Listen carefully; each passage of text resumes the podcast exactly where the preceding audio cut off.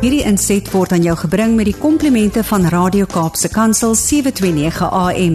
Besoek ons gerus by www.cape pulpit.co.za. Goeiedag almal. Ek is Erika de Tooy en ons gesels weer saam oor gestremdheid en die impak daarvan op individue, die samelewing en hul eie families. Ons hoor baie deesdae die term differently abled. En mense vra gereeld vir my of dit 'n goeie term is om te gebruik.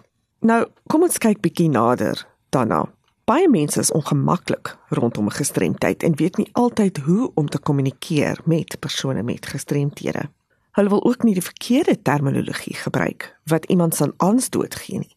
So eers het hierdie term ontstaan, maar die term plaas meer fokus op die positiewe van wat 'n persoon kan doen teenoor dit wat nie gedoen kan word nie.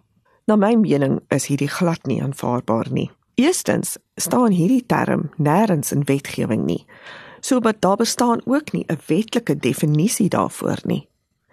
Tweedens, terwyl dat die spreker miskien meer gemaklik laat voel oor gestremdheid, plaas dit ook die klem van gestremdheid op die individu met 'n verlies se vermoëns.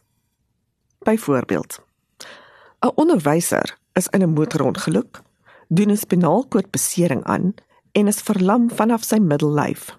Is hy steeds 'n onderwyser? Verander die besering sy vermoë om klas te gee? Glad nie. Die wetskrif oor die regte van persone met gestremthede is duidelik hieroor.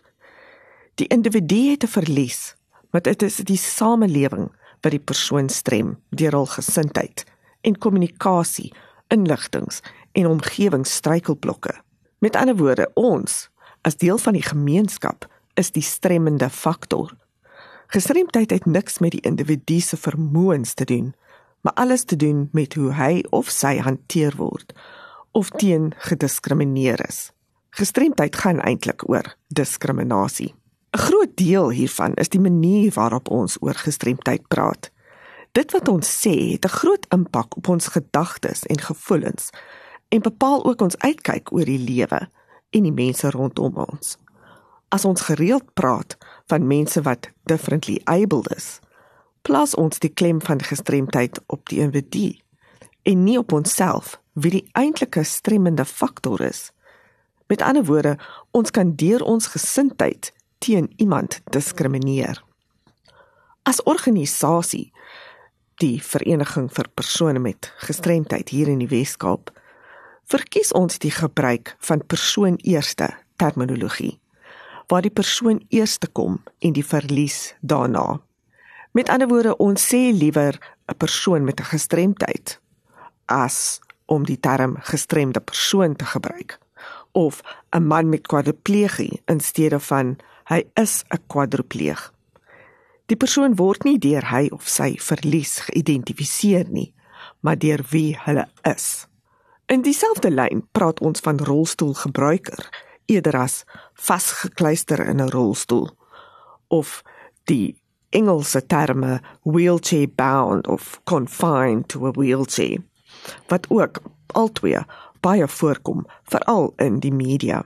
Daar is baie aktiwiteite wat die persoon buite die rolstoel verrig. Die rolstoel is immers net hul vervoer.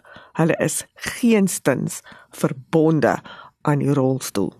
Ander woorde wat ook baie voorkom, sluit in dat persone slagoffers is. Hulle ly aan iets of is getuister met een of ander siekte of toestand. Hierdie is ook nie waar nie. Eerstens is baie beperkings glad nie siektes nie. Die persoon mag wel 'n siekte gehad het, maar die daaropvolgende beperking is nie noodwendig deel van die siekte nie. Hierdie woorde skep almal 'n negatiewe gesindheid oor die persoon, asof die persoon nie meer sy of haar eie mens is nie. Die blote feit dat iemand aangaan met die lewe na hy of sy 'n beperking aangedoen het, wys dat die persoon nie 'n slagoffer is nie, maar eerder 'n oorwinnaar. Om meer af te sluit, een van die opdragte van die Witskrif oor die regte van persone met gestremdheid oor hierdie saak lui as volg. En ek haal aan: Die ontwikkeling en implementering van nuwe gestremdheidsverwante en sensitiewe terminologie wat op menseregte gebaseer is, moet op nasionale vlak bestuur word. Alle regeringsbeleide en wetgewing wat aangepas is en enige nuwe beleide en wetgewing moet hierdie nuwe terminologie inkorporeer en gebruik. So, die goue reël is om die persoon eers as 'n mens te sien, 'n gelyke persoon en nie veel anders as onsself nie. Nou ja, dis ons program vir vandag. Stuur gerus enige navrae aan my by awareness@wcapd.org.za of skakel my gerus op kantoor by 021 355 2881. This insert was brought to you by Radio K Pulpit 7 to 9 a.m. Please visit kpulpit.co.za.